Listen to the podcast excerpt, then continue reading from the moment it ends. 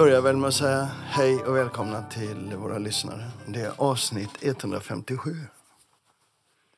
Och det är mitt i bokmässan får man säga då. Mm. Och, det är, och det är jag, Lasse Winkler. Och det är jag, Kristoffer Lind.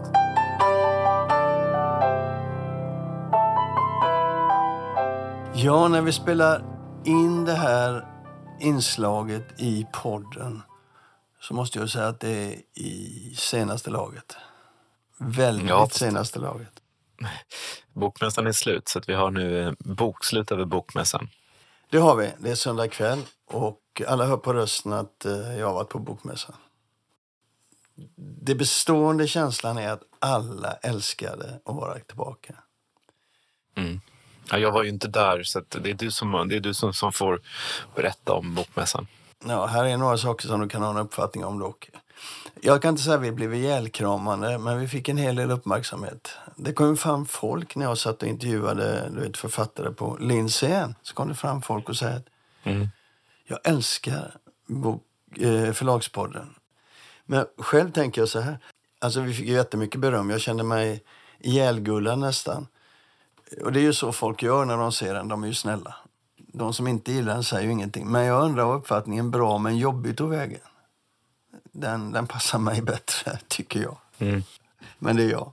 Nåväl, det om det. Mässan är över och bland allt jag gjorde så gick jag ju runt idag och, och lyssnade bland förlagen hur branschen reagerade på mässan, vilka erfarenheter de drog de här dagarna.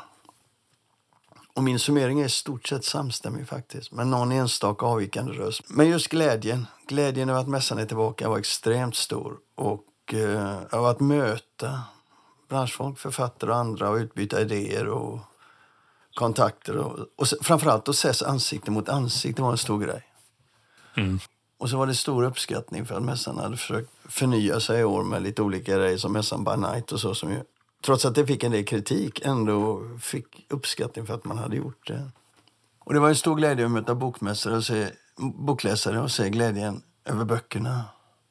Och sen en annan sak som var på plussidan var att seminarierna var i stort sett fulla och programmen i montrarna hade jättemycket folk så att alla tyckte det var väldigt roligt. Men, och det finns ett par viktiga men. Mm. Publiktillströmningen var en av de stora frågorna innan. Skulle folk hitta tillbaka i tillräckligt stor mängd? Och mässledningen hade gjort flera ändringar för att underlätta det för alla. Överallt var oroliga. Vad, hur, vad skulle, hur skulle pandemin påverka intresset och så? Så man hade slopat branschdagarna och låtit allmänheten komma in direkt och hela tiden då. Och, och, och det kanske var ett enkelt beslut kan man tycka, men branschdagarna har sin egen dynamik. Alltså de, de dagarna eller de tiderna på de dagarna på torsdagen och fredagen där bara branschen är inne, alltså bibliotekarier och skolor och sånt.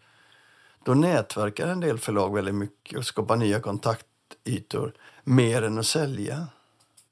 Så frågan är om det var ett beslut man får backa på eller om man borde backa på det och införa branschtider på mässan på torsdagen och fredagen. Det tror jag man ska ta och snacka lite med förlagen om. Alltså det nya var väl att tidigare så har tors, hela torsdagen varit en branschdag. Men eh, på fredagen så brukar man öppna upp efter lunch och nu så har båda dagarna helt och hållet varit öppna för alla. Ja, så är det. Och det är inte alla förlag som har tyckt att det var bra. För många är inte, alla är inte där för att sälja. En del är där för att nätverka väldigt mycket och det tappar man då. Man hade också sänkt inträdespriset och seminariepriset och släppt in en, del, en hel del skolelever. Men trots det, trots det så upplevde i stort sett alla att publiktillströmningen var märkbart mindre jämfört med 2019. Mm. Kanske undantaget lördag. När vi spelar in det här så har ju Bokmässan inte släppt någon statistik på antalet besökare. Men eh, jag har också förstått att de har haft väldiga problem med att läsa av biljetter och såna här saker. Så att jag vet inte om det kanske beror på att de inte har någon statistik. Men alla säger ju att det kändes som att det var mindre folk och i synnerhet på eftermiddagarna så var det ganska lite. Alltså det var ju också konstigt faktiskt. Insläppen fungerade inte riktigt. Eh, du vet, de hade ju rigorösa eh, västkontroller. du kan räkna ut vad som hände då. Men efterhand där så blev det väldigt slappt. Jag vet när min, min sambo Siri kom in då och hon var ju press så sa de till henne det att nej, vi tittar inte på pressrepresentanter eh, eh, väskor, utan de kan bara gå in. Märkligt. Men så gjorde de. Och sen, eh, sen var det ju också som sagt, maskinerna var rätt kass. Eh, de kunde inte läsa av inträdesbete så de får inte med sig hur många som har kommit in och så. Det tror jag inte. Alltså, det var inte hela tiden så, men väldigt ofta var det så. Varje gång jag gick in så var det så. Men en konstig företeelse, och den har jag aldrig varit med om förut på mässan, det var att ungefär klockan fyra varje dag så blir det, om inte tomt så, väldigt avslag. Det var som, donk så försvann större delen av människorna som gick på mässan och det var väldigt, väldigt tomt. Och det var fyra varje dag. Jag vet inte varför, men så var det. En annan viktig företeelse som jag tycker är intressant då, det är att nämna det var att det var markant så att de som köpte böcker köpte mindre böcker än tidigare. Och där undrar jag om inte krisen eller förväntan på krisen redan har slagit igenom. Man kan ju se redan nu att priserna har ökat i, när det gäller mat och, och konsumtionsvaror. Så det, det, är möjligt att det påverkar, men det var, det var markant så. Folk köpte mindre böcker per person än tidigare. Jag tror, att det var fel, eh, jag tror att det var fel i slutsatsen att det är krisen som de har slagit till. Det här är ju, en, det är ju en, en, något som vi har sett på mässan under väldigt många år. Att folk som går till mässan köper färre böcker än vad de gjorde förut. Det är också kanske beror, det är kanske massor av förklaringar till det. Men, men eh, en är ju att böckerna kanske blivit lite dyrare. Förut så var det mässan, precis som bokningen, en större händelse. Det var liksom en, ett tillfälle att köpa böcker billigt och idag kan man köpa böcker billigt på andra ställen och sådär. Så, så vi, vi hade vår sämsta mässa försäljningsmässigt någonsin. Ni hade det? Ja, och jag har hört talat med många som säger samma sak, att det var en riktigt dålig mässa försäljningsmässigt. Din sämsta, du säger inte bästa, ni hade er sämsta försäljningsmässa någonsin? Ja, alltså försäljningsmässigt så var det den sämsta mässan, bokmässan okay. någonsin. Ja. ja. Ja, nej men det, det, det, det, betyder ju en del att folk köper mindre böcker och är det dessutom mindre folk så är det ju, är det ju uppenbart så att en hel del hade sådana siffror. Men andra hade helt andra siffror. Eh, historiska media var väldigt nöjda. Polaris var väldigt nöjda. Eh, Bokfabriken var väldigt nöjda med siffrorna. Så det är olika. Men det, det, det där är en debatt som man nog ska föra mer in eh, på djupet mer. Framförallt Bokmässan bör initiera en diskussion med förlagen om de här frågorna. Och det leder mig över till en mer komplicerad fråga om kostnaderna för mässan. Och det är här jag räknar med att du har synpunkter. Om förlagen har dyra mässkostnader, och då talar jag inte bara om monterhyra, mat och service från Svenska Mässan, utan även kostnader för resor, hotellrum och fester för både personal men framförallt för deltagande författare, så är det den viktigaste frågan att fokusera på. Om alla då sålde mindre, eller med något undantag sålde mindre eller mycket mindre än, än tidigare och får så dyra kostnader som de får så blir ju frågan om förlagen kan vara kvar. Jag pratade med, med mindre förlag och jag, där tror jag att det kommer hända något om inte förlag, eh, Bokmässan eller Svenska mässan som är de som sätter priserna. Om inte de tänker till ordentligt så kommer de förlora väldigt många små aktörer på mässan och det kommer inte bli lika brett och roligt för, för besökarna.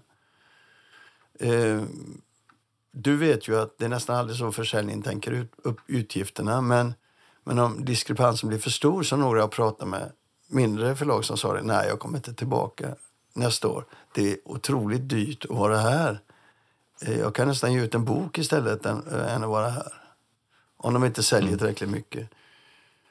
Och för mig är, problemet är ju inte bokmässan utan det är bokmässans ägare, Svenska Mässan, som ju är så tondöva och sätter priserna och inte ser att det är olika för olika branscher.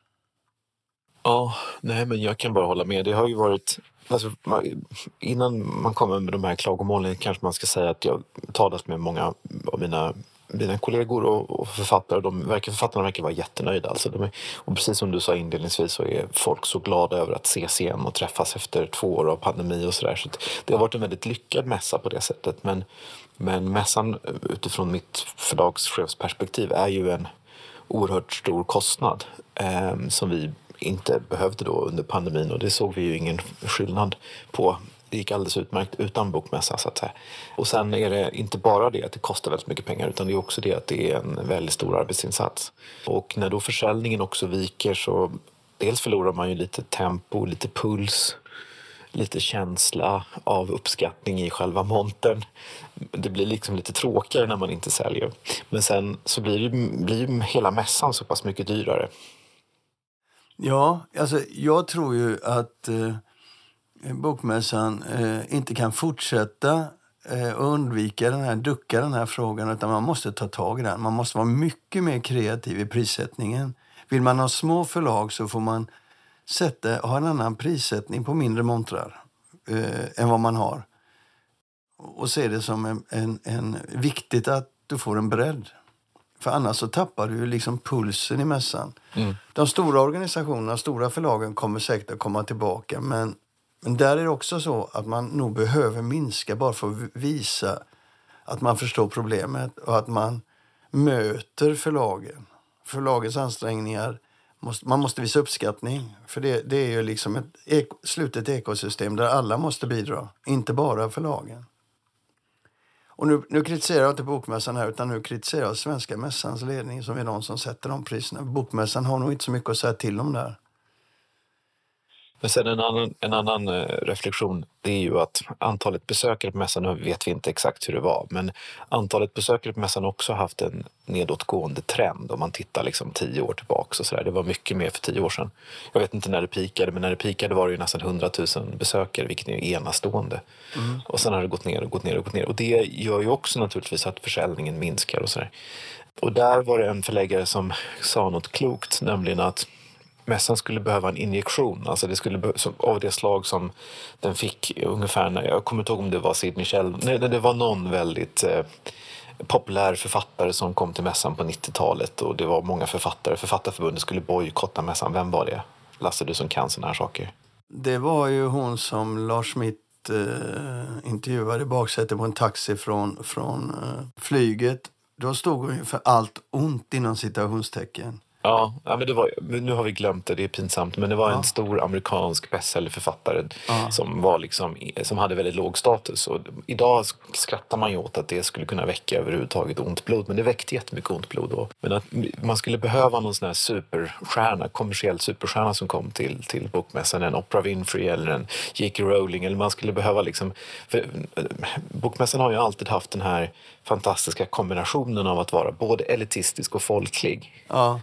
Och att det där folkliga kanske har hamnat lite i skymundan de senaste åren. Ja, man skulle på förhand ha velat veta vem författaren är. Den mycket kände författaren är. Som på en middag eller en fest under bokmässan i år vände sig till en person, en kvinna vid bordet som författaren tyckte pratade för mycket och sa håll käften kärring. det blev tyst runt för bordet varpå författaren kom på att ja visst ja, så får man inte säga. Ursäkta. Vem var detta? Ja, det är det man inte berättar. Jag berättar inte vem det var. För det, det, Och det skedde nu, i år? Ja, det skedde i år. Det var det, det, var det roligaste skvallret jag fick med mig. Okej. Okay. Jag, har bara, jag har bara hört att eh, Norstedts hittade ett par trosor i sin monter. Det är den enda, det är närmaste skandal jag har hört. Ja, men alla som lyssnar nu mm. fattar att det händer grejer på Bokmässan. Mer allvarligt var mm. kanske då att Elleströms eh, blev av med en Palme Backlist som Svenska Mässan har eh, så att säga försnillat. Vilket är väldigt allvarligt. Ja, men de hittar dem säkert. Ja, men vad hjälper det om du inte har kunnat sälja dem och författaren inte har kunnat se sina böcker på plats utan får höra att ja, vi har bara de nya böckerna. Det, det sänker lite för Elleströms eh, närvaro på bokmässan. Men det har blivit ett polisärende så det kommer säkert att hända grejer där tror jag. Så att det händer runt, runt mässan har det hänt roliga grejer och lite mindre roliga grejer. Men, men eh, det är inte vi, det är väl någon annan som ska plocka upp det. Absolut. Mm. Nåväl, vi återkommer. Det här var första i alla fall summeringen av Bokmässan. Vi återkommer i senare program kanske. Ja, det gör vi. Mm. Det var långt, men det kanske var intressant. Vi, vi går vidare. Mm.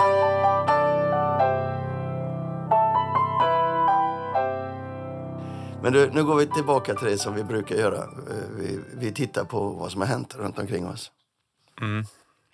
Låt oss börja med Spotify och ljudböcker. Yeah. Vi är ju inte först där menar jag. Det är, det är många som har varit på den frågan men jag tycker det är så fruktansvärt mesigt när de rapporterar. Alltså, varför det? Därför att alla tycker wow, vad intressant. Eh, Spotify ska börja med ljudböcker. Det finns ju inte så många som är intresserade av att Spotify börjar med ljudböcker. Framförallt inte i bokbranschen.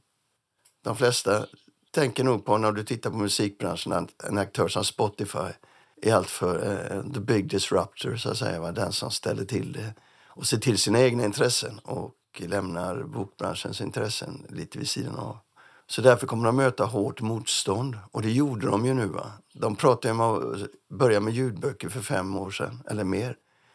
Och det har tagit jättelång tid och så kommer de och presenterar, nu går vi in. Och så redovisar de en, en, en, liksom en, en pytteliten tummetott. De har 300 000 böcker tillgängliga på den amerikanska marknaden där man kan köpa dem styckvis. Inte strömmat, och strömmat är ju deras grej. Va? Så att eh, jag tycker det bara är, eh, som jag tyckte förra gången, det här är bara en liten, eh, inte så intressant. Jo, men det är väl intressant att de ändå är där och försöker och att de har fått till de här avtalen med förlagen, att de har de här böckerna på plats. Sen kommer det ju inte hända någonting så länge de, alltså styckvis försäljning i Storytel-appen. Varför ska man göra det? Liksom? Det, det är klart. Eller Spotify-appen. Ja, Spotify, för, förlåt. Spotify-appen, det kommer ju liksom inte lyfta på något sätt. Men, men eh, det visar ju ändå på att de vill fylla sin tjänst med ljud. De har ju varit väldigt framgångsrika med, med, med poddar. Och det, har, det är ju en strategi som de har visat sig väldigt framgångsrik. Så, och nu går de in på ljud också. Så vi vet ju inte vad nästa steg kan bli. Det kommer ju bli svårt att i USA och England ha en streaming Eh, Eh, på ljud eftersom de stora amerikanska förlagen aldrig kommer gå med på det. Men eh, vi vet ju inte vad de kan göra på andra marknader. Nej, du vet inte vad de kan göra på andra marknader. Men jag tror att alla som är i branschen idag konstaterar att när Spotify går in nu så kommer intresset runt ljudböcker öka ännu mer. Så ännu fler aktörer kommer att komma på marknaden. På de marknader där det är strömmat och där det dominerar, där det är etablerat, där tar ju sig Spotify knappast in inte några stora mängder de skulle gå in på, på den svenska eller skandinaviska marknaden. Och alla förlag blir ännu hårdare nu på, på den amerikanska marknaden och den brittiska marknaden på att hålla strömmandet borta. Alltså de kommer inte gå med på det, i synnerhet inte när de har Spotify liggande i, i kulissen och väntar. Nej.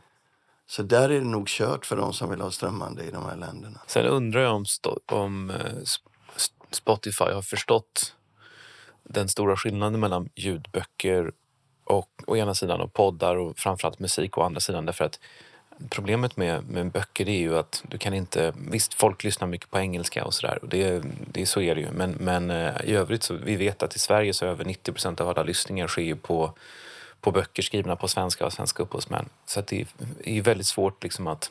Du måste bygga lokala kataloger och du måste sluta lokala avtal.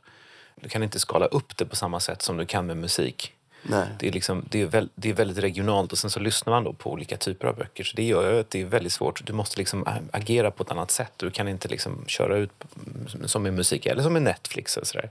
Mm. Uh, och det gör ju, det, gör ju liksom, det, det är till en lite större utmaning att, att lägga världen under sig som en ljudboksdistributör.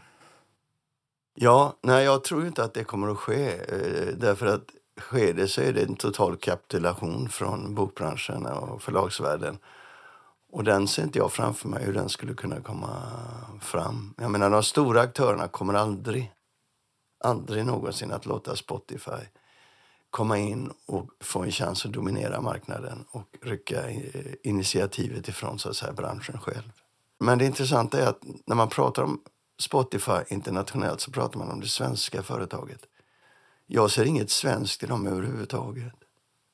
Jag menar, de rör sig på de stora internationella marknaderna och de vill vara en bland dem. De råkar ha svenska ägare, men i Sverige har vi ingenting utav det att det är Spotify. Det är ju bara ett av de stora konglomeraten i världen. Ja. Fullständigt, fullständigt icke-svenskt, ska jag vilja säga. är Storytel svenskt? Ja, det är de ju. De har ju fortfarande sin bas här. De har sin största affär här. De har sin... Eh, praktik här, de har sin kultur här. Ja, de är svenska ja. fortfarande. De är svenska, men snart amerikansk vd.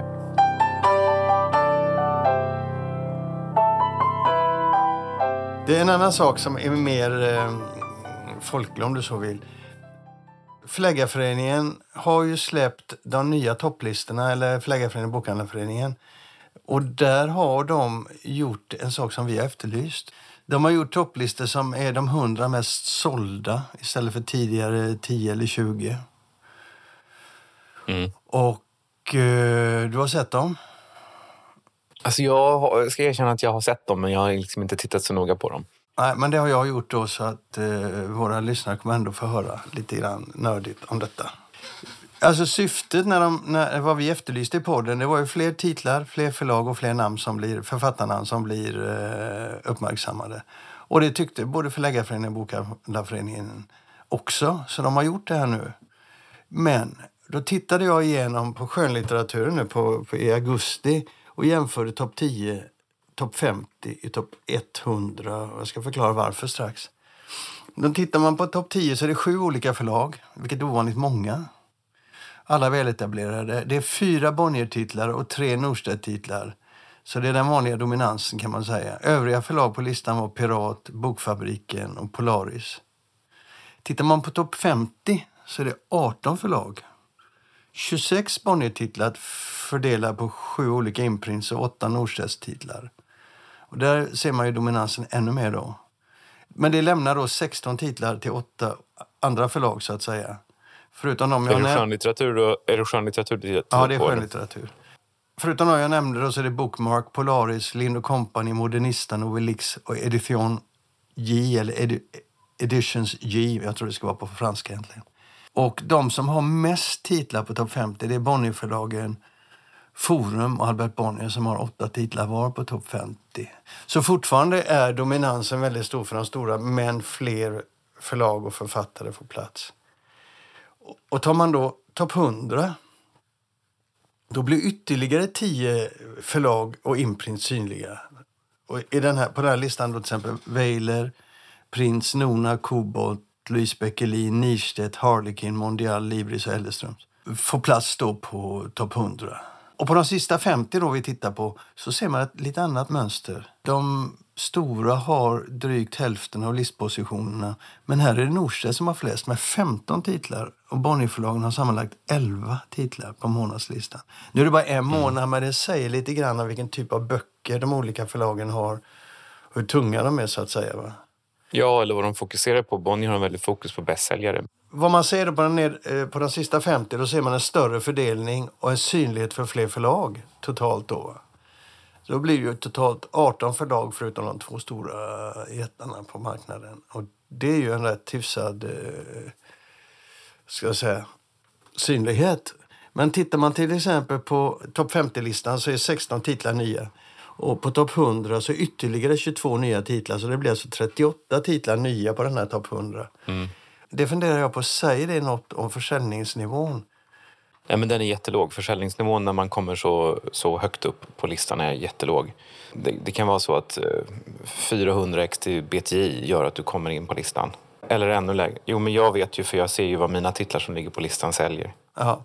Men en exakt siffra på vad som säljer, inte, topp, eh, inte högre upp utan längre ner på listan blir det ju.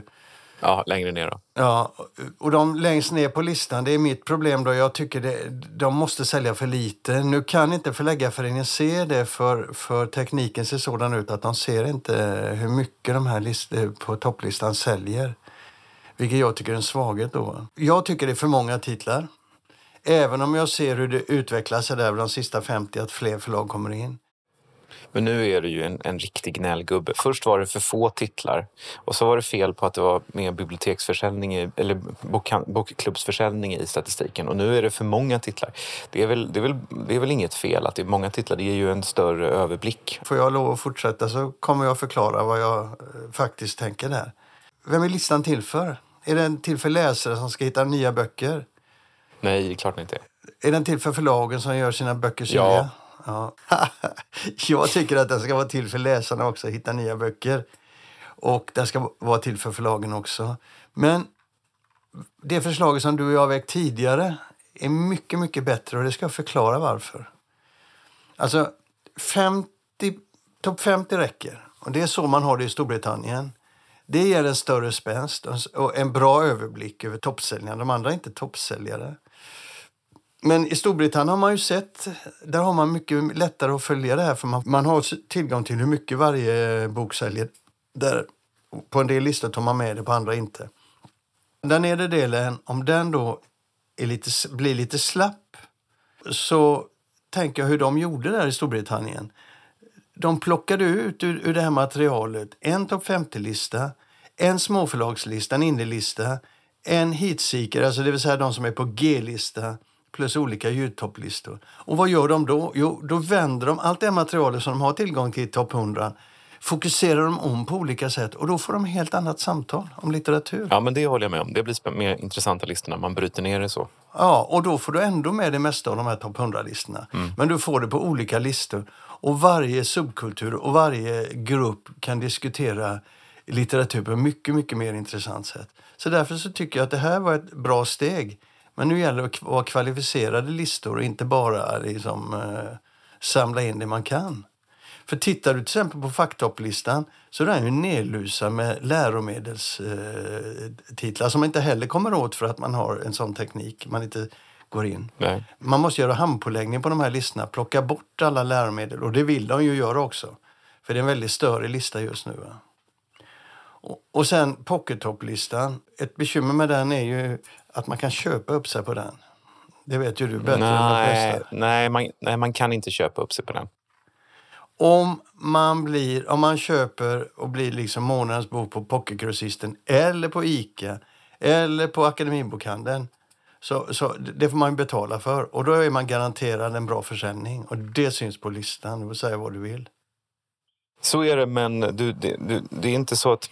Det där ser lite olika ut och eh, Akademibokhandeln tar betalt och så. Eh, det finns andra aktörer som kräver marknadsföringsbidrag och sånt. Men de gör ju ett urval så det är inte så att du betalar och så får du in de titlar du vill ha. Utan det är fortfarande så att de väljer de titlar de tror mest på. Det är inte så att de väljer en titel för att förlaget betalar. Nej. Men det är ändå så att det där påverkar ju försäljningen. Ja, det slår, igen, det slår igenom väldigt mycket. Men, men det är fortfarande så är det ju så att man mäter ju ändå det som har sålt mest. Alltså den, den bok som Pocket Grossisten har som huvudbok, den slår ju igenom ganska kraftfullt på listan. Det kan man ju se såklart. Mm. Mm. Så. Och hade den inte varit det så hade den eh, legat betydligt lägre ner. Så att, visst är det så. Men hur som, de här topplistorna, eh, det man har gjort nu är en väldigt bra första steg. Men det är bara ett första steg. Jag, jag, kan inte se det på annat sätt. Utan jag, jag är fortfarande att man går vidare och gör den nästa, nästa eh, steg då, och gör en handpåläggning. Det kommer att kosta lite mer, men du kommer att få ett mycket, mycket bättre samtal om eh, litteratur och böcker om du har den här typen av listor. Ja, kudos till Förläggarföreningen och Bokhandlarföreningen, men se till att göra lite mer kvalificerade grejer. Så lite grinig är jag ju där. Ja. Jag hade inte varit mig själv annars. Eller? Nej, nej det hade du inte. Nej.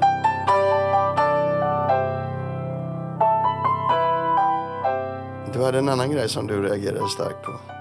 Du tänker på det här eh, i Nederländerna? Eller? Ja. Ja, precis. Det var en nyhet som kom här i veckan som var, tycker jag, väldigt intressant av olika skäl. Den eh, nederländska agenturen, agenturen CBS som eh, fungerar väldigt mycket som en underagentur. De säljer väldigt mycket amerikanska och brittiska rättigheter till nordiska förlag men de har även börjat tror jag representera svenska och nordiska författare. De har vuxit väldigt mycket de senaste åren. Alla som eh, köper rättigheter eller säljer rättigheter har någon gång haft kontakt med dem. Mm. Och eh, de är då baserade i Amsterdam och, och, är då ett nederländskt bolag. Men de har börjat med någonting helt nytt. De har börjat att sälja engelska rättigheter till nederländska förlag. Det är nämligen så att i Nederländerna så, så, läser man väldigt mycket på engelska. Det är det landet i världen som läser mest på engelska som inte då är ett engelskspråkigt land.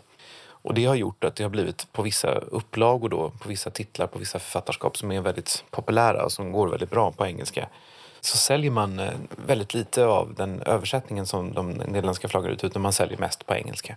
Och de nederländska flaggen har ju blivit ja, det, det, blir liksom, det finns ingen affär kvar snart. Så att, då har man nu gjort så att en del nederländska förlag liksom säljer den engelska utgåvan på vissa titlar. Och det, liksom, det har aldrig skett förut för det har varit liksom amerikanska titlar då som, som kommer in.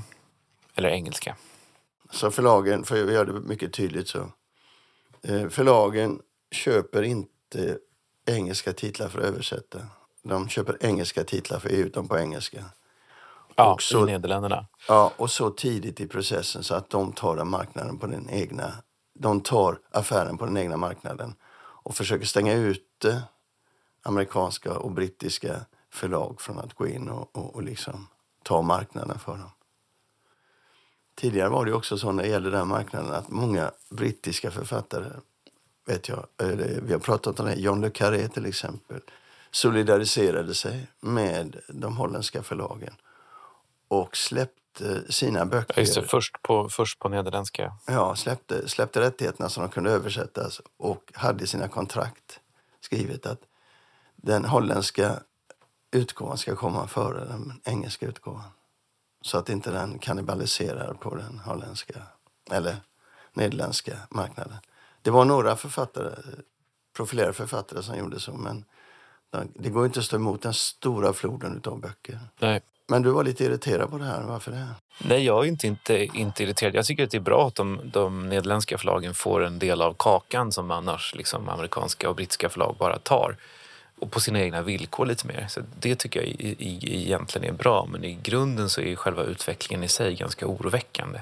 Jag var ju i Amman för några veckor sedan, eller en månad sedan är det väl nu kanske, och eh, berättade ju hur, hur liksom arabiskan håller på att tappa till engelskan och att många läser på engelska, många har svårt att läsa på arabiska och att det är en mycket märklig utveckling där många föräldrar talar engelska med sina barn trots att de inte har engelska som modersmål och att barnen går i skolor som är engelsktalande och lär sig liksom varken särskilt bra engelska eller arabiska. Men här, ur ett svenskt perspektiv så ter sig den här utvecklingen lite konstig men om man lägger ihop alla pusselbitar så är det ju helt uppenbart att engelskan håller på, eh, alltså på ett helt annat sätt än för 20 år sedan, så håller engelskan idag på att verkligen bli en allvarlig konkurrent till europeiska förlag. Mm. Och, det, det, och det, vi har inte riktigt sett det och streaming har väl kanske motverkat det lite grann. Men eh, jag tror att det här är verkligen någonting som man ska, man ska se upp med och det är ju också någonstans en, en politisk fråga. Vi har ju väldigt små språk, synnerhet svenska, norska, danska. Det är väldigt små språk och vi är väldigt känsliga. Så vi ska nog se upp med att liksom ha undervisning på engelska och ha all undervisning på universiteten på engelska. Det är kanske inte så smart. Och jag tänker också på det här med fasta priser som eh, Håkan Rudels var inne på när han talade om Norge. Så sa han ju, han var ju kritisk mot de fasta priserna och eh, han tog faktiskt upp detta som en aspekt, lite oväntat. Att liksom det, vad man gör i Norge nu också det är att man, man reglerar böcker men man reglerar inte film, tv, musik. Och det blir väldigt billigt liksom med engelska titlar. Och samma sak är det ju i Nederländerna, att man har, man har fasta priser i Nederländerna, man har ett fastprissystem. Men det gäller ju inte på importtitlar. Så att de engelska titlarna kan vara mycket billigare också än de, de lokala. Så det där är också en, en, sak som man kanske... Det talar ju starkt emot att man överhuvudtaget ska ha fasta priser.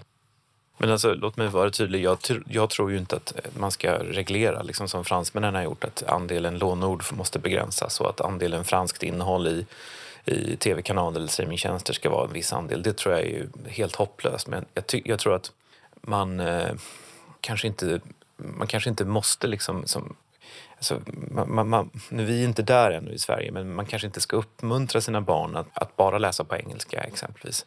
Man måste kanske betrakta svenskan som ett viktigt moders, modersspråk. Jag vet att Sture Allén var väldigt kritisk för många år sedan mot att man hade så mycket undervisning på svenska eller på engelska i skolor och så vidare och på universitet och sådär. Och det stämmer ju väldigt mycket på universitet idag. Det är ju nästan all undervisning är ju nästan på engelska om, det inte är, om man inte läser humaniora. Och jag skulle säga att det utarmar vår möjlighet att arbeta med vårt eget språk och det utarmar studenternas språk. Det är ju inte någonting som är, man måste reglera utan det är liksom en inställning till språket. Jag tror att våra, våra små europeiska språk är mer utsatta än vad man kan tro. Är, vi är mer sårbara än vad, vad vi kan tro. Mm. Där tar vi, sätter ett tillfälligt stopp för uh, Förlagspodden idag, tror jag. Jag är, jag är på väg tillbaka till mässan. Yeah. Och du är på väg att bli frisk. Så vi säger väl hej då och tack för avsnitt 157. Ja, det gör vi. Hej då. Hej då. Vi ses om en vecka.